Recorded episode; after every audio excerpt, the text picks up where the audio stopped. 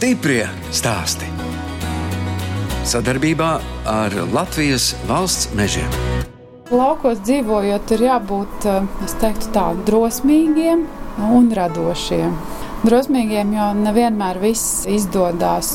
Dārzkopība, viņa, protams, ir atkarīga arī no klimatiskiem apstākļiem un arī no visādām citām lietām. Un noteikti jābūt radošumam, jo citādi tas pārvēršas par tādu bezgalīgo strādāšanu. Un jābūt spējīgam ātri reaģēt uz to, kas apkārt notiek. Tad tā lieta iet. Ja cilvēki tā kā mēs izdomā atnākt uz laukiem no pilsētas, tad nu, droši vien ļoti svarīgs arī ir kaut kāds pamatkapitāls, jo dzīve laukos mūsdienās arī nav lēta. Tā par dzīvi laukos 25 km no Rīgas stāsta Agnese Bērziņa no Salaspils novada Salaspils pagasta ziediņiem. Es, žurnāliste Daina Zalamane, šoreiz ciemojos Dolas salā, kur Agnese audzē un māca tējas, un pirms četriem gadiem izveidoja uzņēmumu Dolas tējas. Agnese ilgus gadus dzīvoja Rīgā, bet bērnību pavadījusi Daugavas krastā, Vimbu krogā ķekavā. Mēs atrodamies bijušās Dolas mūžas tiešā tuvumā. Dolas mūžā šobrīd atrodas Daugavas muzejs. Mūsu vecā māja ir daļa no Dolas mūžas apbūves. Dolas mūža atrodas būtībā pretī ķekavai. Un es esmu dzimusi pāri upītei Vimbu krogā. Ja mums būtu spārni, tas būtu kaut kāds nepilns kilometrs. Ar mašīnu sanāk kaut kādi desmit. Tur mammai joprojām ir māja un, un zemīte. Un, protams, ka mamma ir atbildīga par to, ka mēs esam nonākuši līdz tajām, jo tas ir patiesībā viņas iesākta nodarbošanās. Un, jāsaka tā, labprātīgi piespiedu kārtā kādus gadus, 20 es ar tējām esmu nodarbojusies vienkārši tāpēc, ka bija jāpalīdz mammai. Par to bērnībā pastāstiet, kas jums interesēja bērnībā. Es gāju dejot, bet es neteiktu, ka tas man izdevās. Gāju muzikas skolā, bet tas man ar tā neīsti violi mācījos spēlēt. Bet man vienkārši nu, nav tā muzikālā dzirde. Un es bērnībā ļoti daudz klausījos Latvijas rādio, jo mums mājās nebija televizora. Tie apstākļi mums bija tādi nu, pieticīgi. Bet man ļoti patika lasīt. Es esmu nodedzinājusi pāris lampiņas, naktas lampiņas, jo man bija lampiņa pavilkta zem segas, un es lasīju grāmatu. Es esmu padomu laika bērns. Un, un, un Tajos laikos algas bija mazas, un vienmēr bija kaut kāda mēģinājuma piepelnīties. Mans pirmais bizness bija puķu, zirņu, pušķīšu tirzniecība atpūtniekiem. Tas bija Baldonē. Māma strādāja sanatorijā, un tur bija daudz to sanatorijas apmeklētāju. Un te, kad viņi vakaros gāja no ēdnīcas uz atpūtas telpām, tad es tur piedāvāju iegādāties puķu zirņus.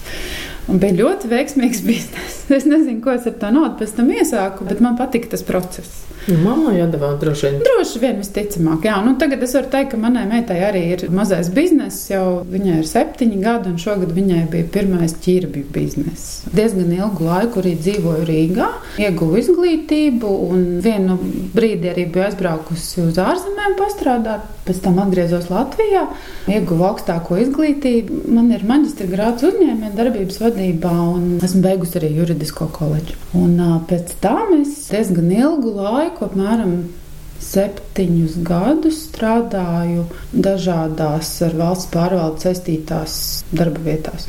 Jebkuram jaunam cilvēkam es ieteiktu mācīties visu, par ko ir interese. Un apgūt pēc iespējas vairāk, jo tāda ļoti, ļoti šaura specializācija, tas, manuprāt, mūsdienās vairs neiet. Agneses vīrs Kārlis Smiltnieks ir rīdznieks. Viņš bērnības vasaras pavadījis pie vecvecākiem Liepājas pusē, Bernātos un Nīcā. Zemītes bija Liepājas ezera vēsturiski aplūstošajā platībā ar visām dūņām un ļoti auglīgas. Un kur tad audzēja? Tur audzēja tomātus. To es visu redzēju, un pats es tos tomātus arī tur tiku tirgojis. Tā kā, nu, redz, ir kaut kādas iezīmes līdzīgas. Jā, tas ir, jā, mēs dažādos laikos, dažādā sastāvā tur tirzniecību tur arī nodarbojāmies. Vasaras tur un pārējā laikā par Rīgu. Un kas jums interesēja bērnībā? mehānismi. Sākot ar raķešu modelīšiem un beidzot ar traktoriem. Tās kā inženieris viņam jau tur patika šo to parādīt, interesanti. Un pēc tam jau es jau pats tur iesaistījos, iekārtas tika izjauktas, dažkārt nesankcionēti. nu, protams, viss ir izdevies vienmēr salikt atpakaļ. Tā nu, kā... Jūs mācījāties par inženieri? Nē, nē, nē, nē, nē. Es esmu dažādos laikos rehabilitācijas medicīnu apguvis un tiesību zinātnes un pašreiz juridiskā jomā strādāju. Un kur tad jūs, Kārli, to Agnesi satikāt? Valmjerā. Nu, mēs satikāmies eh, Jāņu svinību laikā. Tur vēl bija epizode ar divām meitenēm, kas leca uh, ugunskurā viena pretī otrai.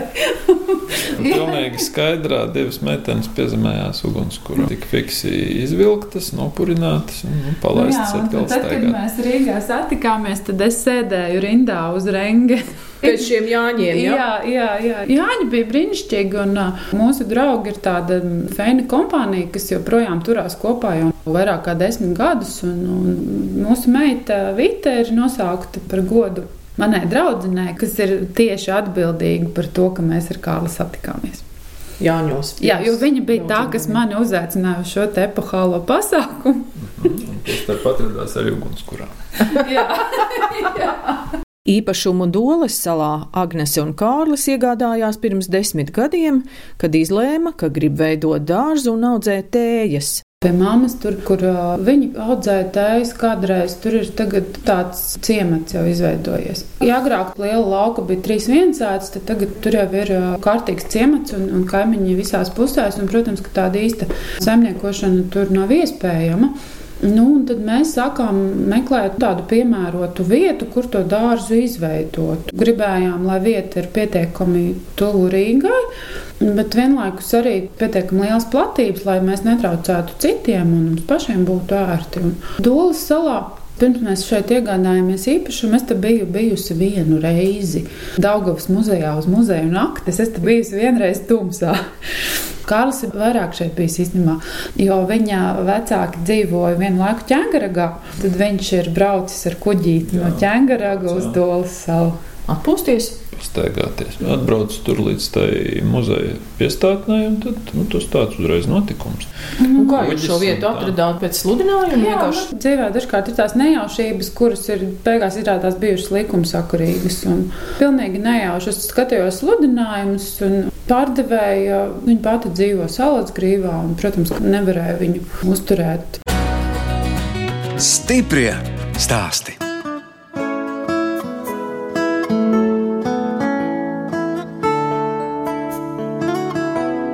Jūs klausāties raidījumu stipri stāstī.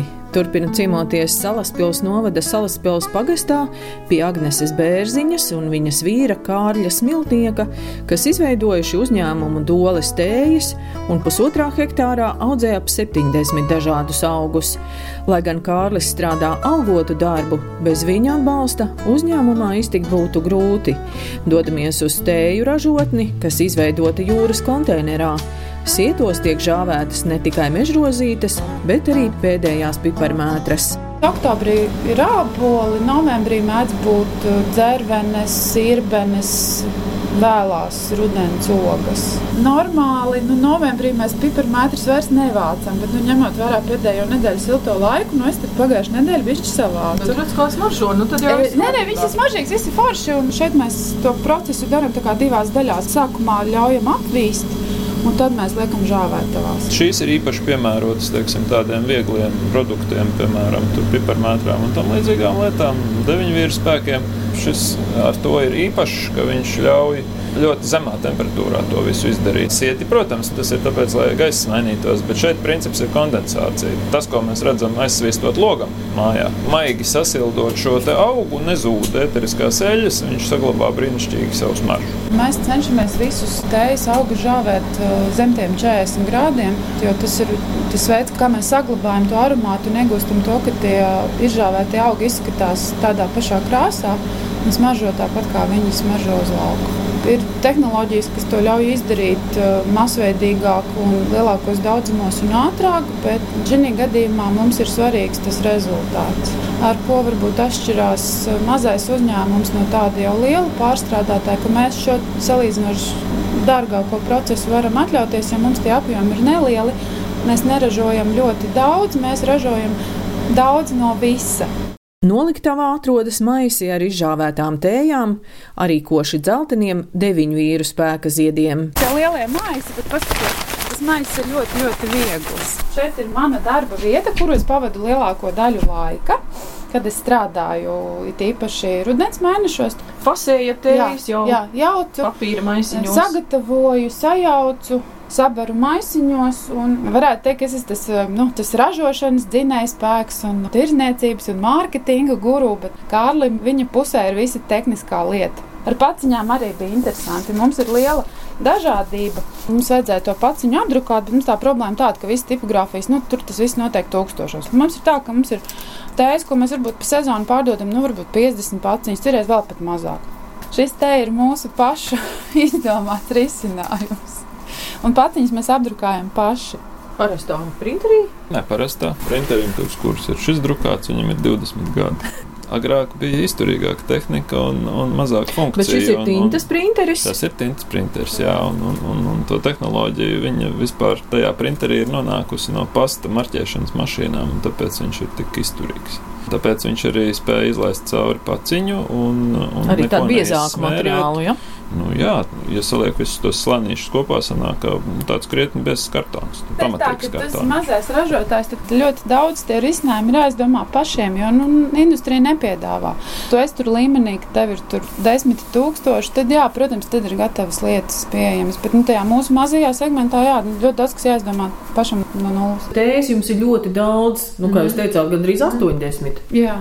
80 ir atsevišķi augi, jo mums ir tāda tā kā kolekcija. Tur ir gan ziedi, gan lapas, gan laksti, gan saknes, gan ogas, gan pumpuri. Nu, tad maisiem ir ap 30. Kas jums ir Ziemassvētku ejā? Tie ir kaut kas mhm. tāds balts. Tas, nē, tas ir ābols skaidiņš. Tas ir ābols. Viņš ir žāvēts. Kā viņš tik balts? Tas ir saldējot sažāvēts ābols. Nākamajā plauktiņā tur ir pats populārākais maisījuma kolekcija. Mums ir katram gada laikam pavasara svaigums, vasaras siltums, rudens gardums un ziemas miežs. Tie ir tādi nu, senākie tēju maisījumi. Deviņvīru spēks tas atkal ir tāds mūsu īpašais audzēknis. Deviņvīru spēks saules sveici. Cik no es zinu, tad Latvijā mēs vienīgi audzējam. Tas ir iemesls, kāpēc mēs vasarā uz jūru nebraucam. Viņu ir jālasa katru dienu. Jā, šogad mums bija piecas vagas, 300 augi bija. Ziedēšanas pilnbriedā tā ir vienam cilvēkam visa pilna darba diena, nenolasīt roku darbs. Un Tas ir tas, ar ko mēs izceļamies. Nu, kaut kam jābūt tādam kā no citiem, un ar to mēs arī izceļamies. Maisījums jau arī tēju, mēs te testējam cilvēkiem. Sākot ar sevi un beidzot ar draugiem un omītēm un tam līdzīgi. Viens maisījums apmēram kaut kādu pusgadu aizņem tā īsti. Nu, tādu foršu maisījumu uztaisīt, kurš tiešām patīk cilvēkiem. Nav tas tik vienkārši. Tu nevari aiziet kaut ko sabērt un tad tev uzreiz sanāks. Jo sākumā atrod to kombināciju, pēc tam ir jāatrod tā proporcija. Un tas īstenībā Jā, paņem laiku, to nevar uz ātru roku izdarīt. Un vēl, protams, ka ir liela problēma atrast kādu, kurš objektīvi nokritizē, ka tur ir piemēram par daudz balderjānis vai, vai, vai, vai, vai varbūt par daudz lavanda. Jā, un, Pacienāt, tu esi pateicīgs, tev garšo un nu, patīk. Nu, teiks, jā, bet, jā, nu, kā tu teiksi, ka viņš cer degunā, jā, nu, tad tur ir godīgi degustētāji arī ir ļoti lielā cieņā un vērtē. Latvijā daudz tie audzētāji, man liekas, ka ļoti daudz. Vispār šī ir tāda forša perspektīva nozara, kur ir iespējas arī iet uz āru. Bet vai ārpus Latvijas vispār dzerš tā, kā mēs dzeram tās laukos vāktās tējas? Jā, tad, kad mēs sākām braukt uz tirdziņiem, tad man bija tāda doma, ka tas ir tāds tīri Latvijas produkts un ārzemniekiem šis neinteresēs. Jā, tas ir melnās tējas dažādas. Jā, jā, jā, un pirmajos gados man bija milzīgs pārsteigums, kad mēs sākām braukt uz kancēm ielas tirdziņu. Izrādās tā nemaz nav. Pirmkārt, eh, ļoti daudzi ārzemnieki saprot, kas tas ir. Otrakārt, viņiem patīk tas, ko mēs darām. Ārzemnieki ļoti novērtē roku darbu. Tas uzreiz to vērtību viņa acīs paceļ. Bet arī bija ļoti interesanti, ka mums ir bijis pēdējos gados tā dažkārt, ka mums ir pat puse no ietirgotā tieši no ārzemnieku pirkumiem. Mūsu tēvs ceļo pa visu plašu pasauli. Mēs varētu teikt, ka mēs esam tāds mazs eksporta uzņēmums. Nu, piemēram, arī tagad mēs pabeigsim sarunu. Man ir jāiet apsēst desmit paciņas piparmētrus, kurus ceļos uz ASV. Ir viena japānieta, kas reizi pusgadā regulāri pasūta sev kastirtējā. Latvijā mēs sūtām ar pakumātiem, bet ārzemēs, protams, Latvijas pasu lielākoties. Es vienmēr saku, ka viss notiek tad, kad tam ir jānotiek. Bija tā, ka mēs braucām tirgoties, cilvēkiem tējas patika, nu, un tad sākās tie jautājumi, vai tad pie jums var atbraukt. Un vai pie jums var tur grupu atvest? Un mums radās tā loģiskā doma, ka cilvēks, ja viņš pie tevis brauc, nu viņš rēķinās, ka viņš pie tevis aizbraucot galā arī varēs izbaudīt to. Jūs nespēju ieciet. Jā, bet nu, mums tie laikapstākļi, nu dzīve uz salas, viņa ir mazliet specifiska. Šeit ir gan abas Daugavas, gan Hesa ūdenskrātuve. Arī ikdienā šeit ir tipiski vējaināks nekā citur. Mēs sākumā domājām, nu, būtu forši tāda nojumīta, kur visus uzaicināt, uzklāt galdiņu. Bet tad mēs sapratām, ka ar to mūsu vēju tā nojuma varētu būt diezgan neomolīga brīžiem. Nu, tā mums radās ideja par paviljonu. Un uh, paviljons bija pirmais lielais uh, līderu projekts, ko mēs īstenojām. Tā ir būtībā nu, nojuma, kas ir pilnībā stiklota.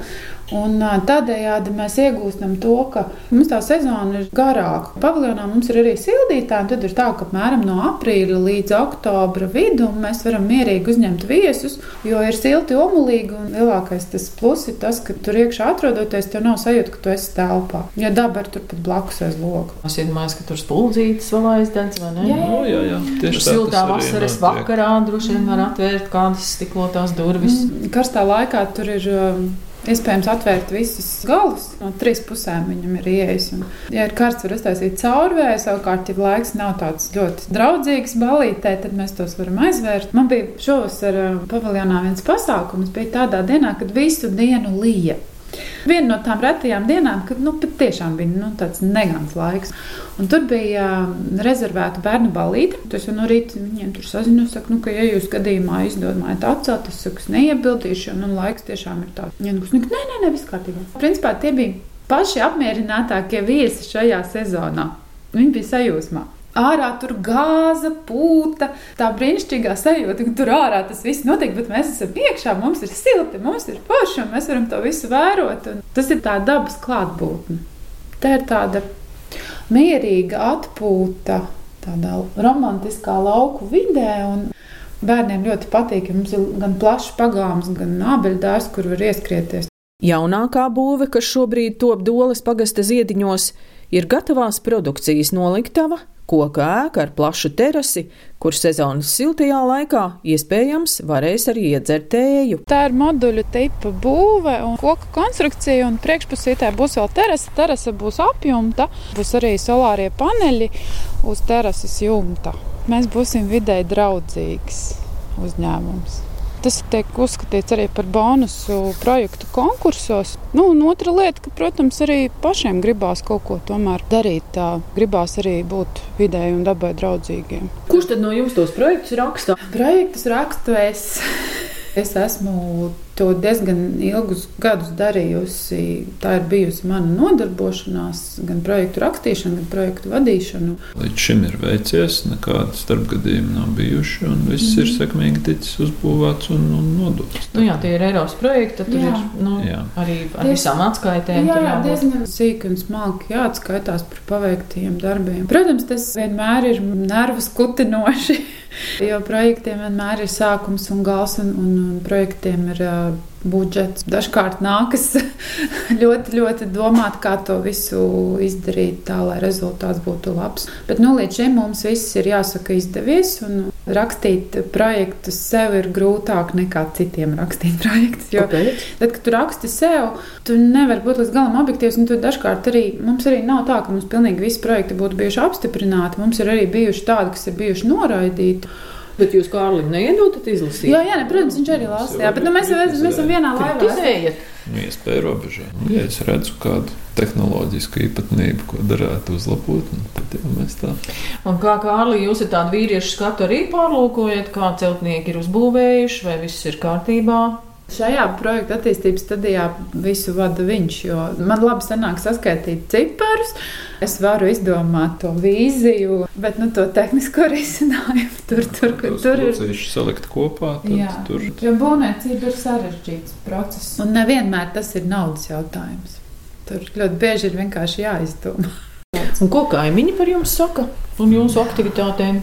Cerams, ka domā visu to labāko. Nu, sūdzējušies nav. Cenšamies ļoti, ļoti labi sadzīvot, cenšamies izpalīdzēt. Tas jau stāstīja, kā tur kaimiņš ar traktoriem palīdzēja. Jā, jā, jā. Mārim milzīgs paldies, jo viņš tenīs pirmajos gados mums tiešām ļoti, ļoti palīdzēja. Viņš ir savs iezimiets un tāds uh, klasisks lauksaimnieks. Uh, viņa pienesums bija sākotnēji ļoti liels. Un, Milzīgs viņam paldies par to. Par pārējiem kaimiņiem ir tā, ka dzīves salas un salnieku mentalitāte ir tāda, ka šeit cilvēki nav tādi uzspēlēti, draudzīgi. Mēs atrodamies ļoti tuvu Rīgai.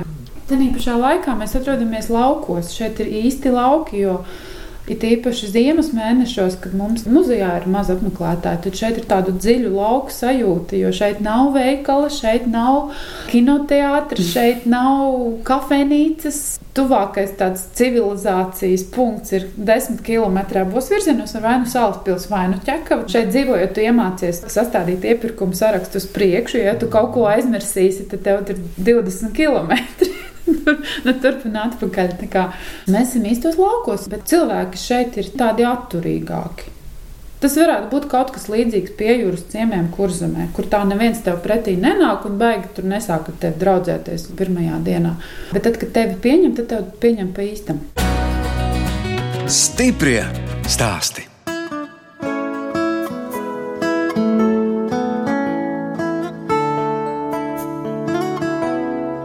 Skan redzējums stipri stāsti. Šoreiz ciemojos pie Agneses Bērziņas un viņas vīra Kārļa Smiltnieka Salaspils novada Salaspils pagasta ziediņos, kas izveidojuši uzņēmumu Doles tējas un Doles salā audzē un vāc tējas.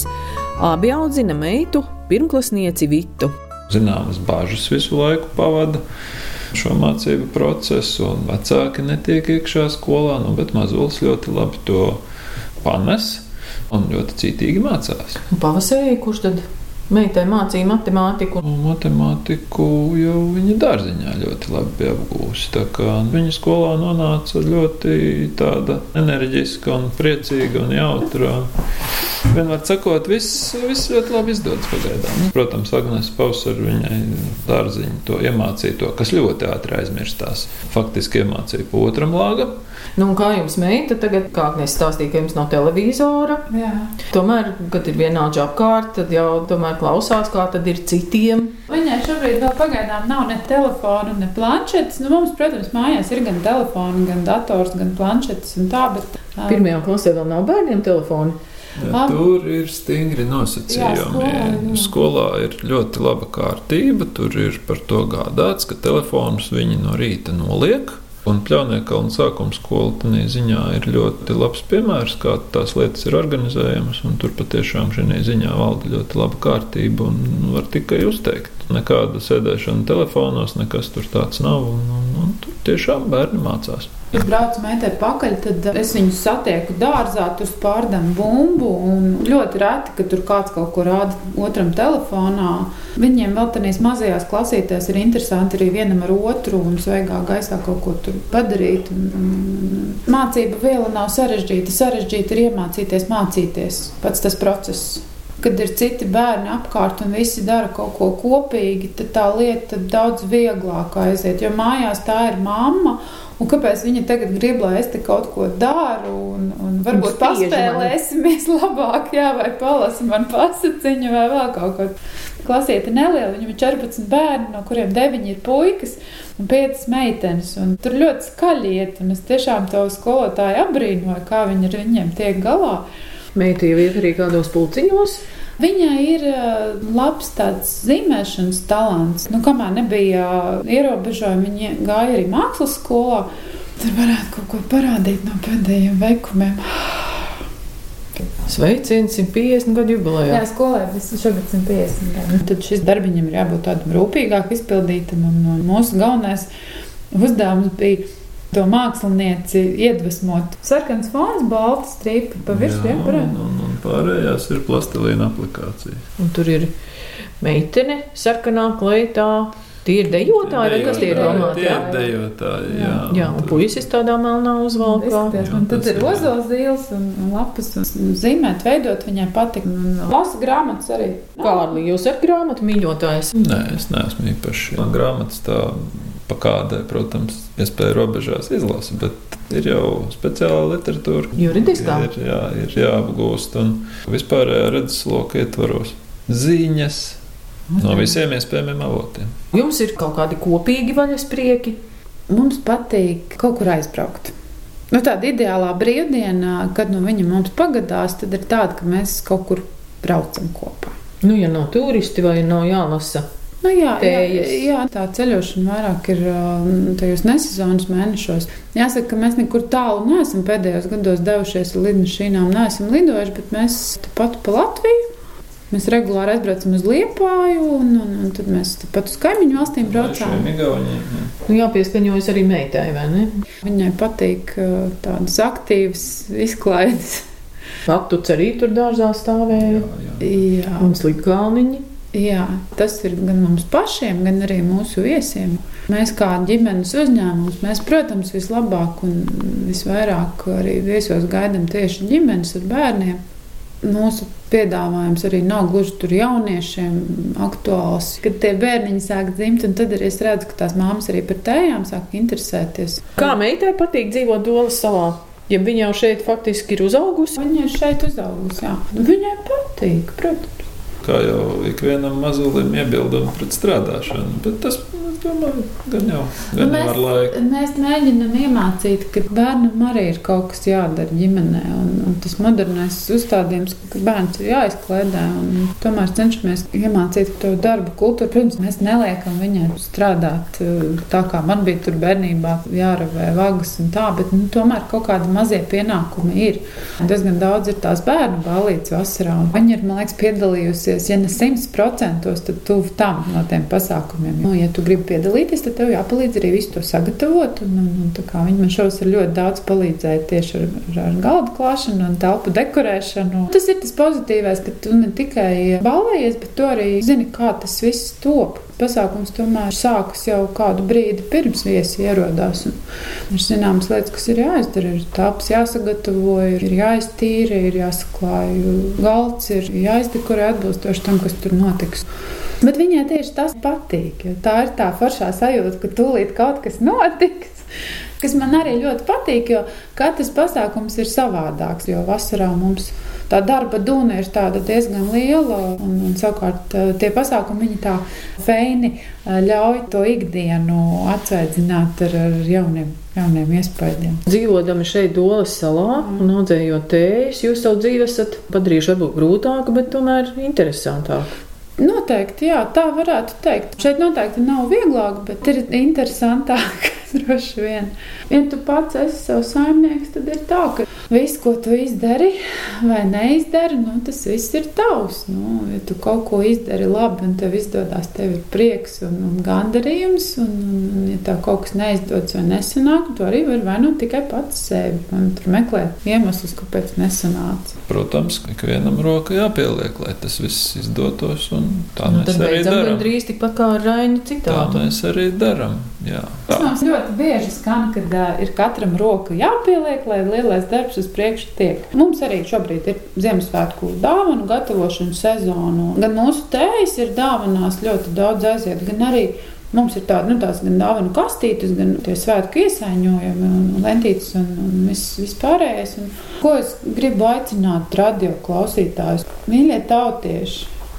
Ja jūs šogad domājat par Ziemassvētku dāvanām, nu šī ir tā retā reize, kad tiešām būtu vērts padomāt par Latvijas mazajiem ražotājiem.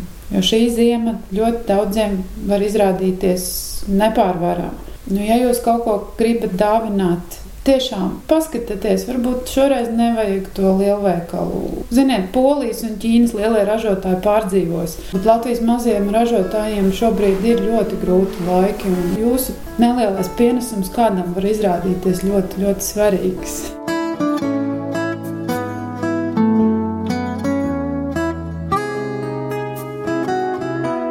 Radījums stipri stāst izskan, un es atvados no Agneses Bērziņas un Kārļa Smiltnieka, kas Dolas salā audzē tējas, sezonas laikā paviljonā uzņem turistus, un nākamvasar viesus uzņems arī jaunā koka ēkā, tēju noliktavā jeb namiņā. No jums atvedās žurnāliste Dāna Zalamane un operātore Inga Bēdelē, lai tiktos atkal tieši pēc nedēļas.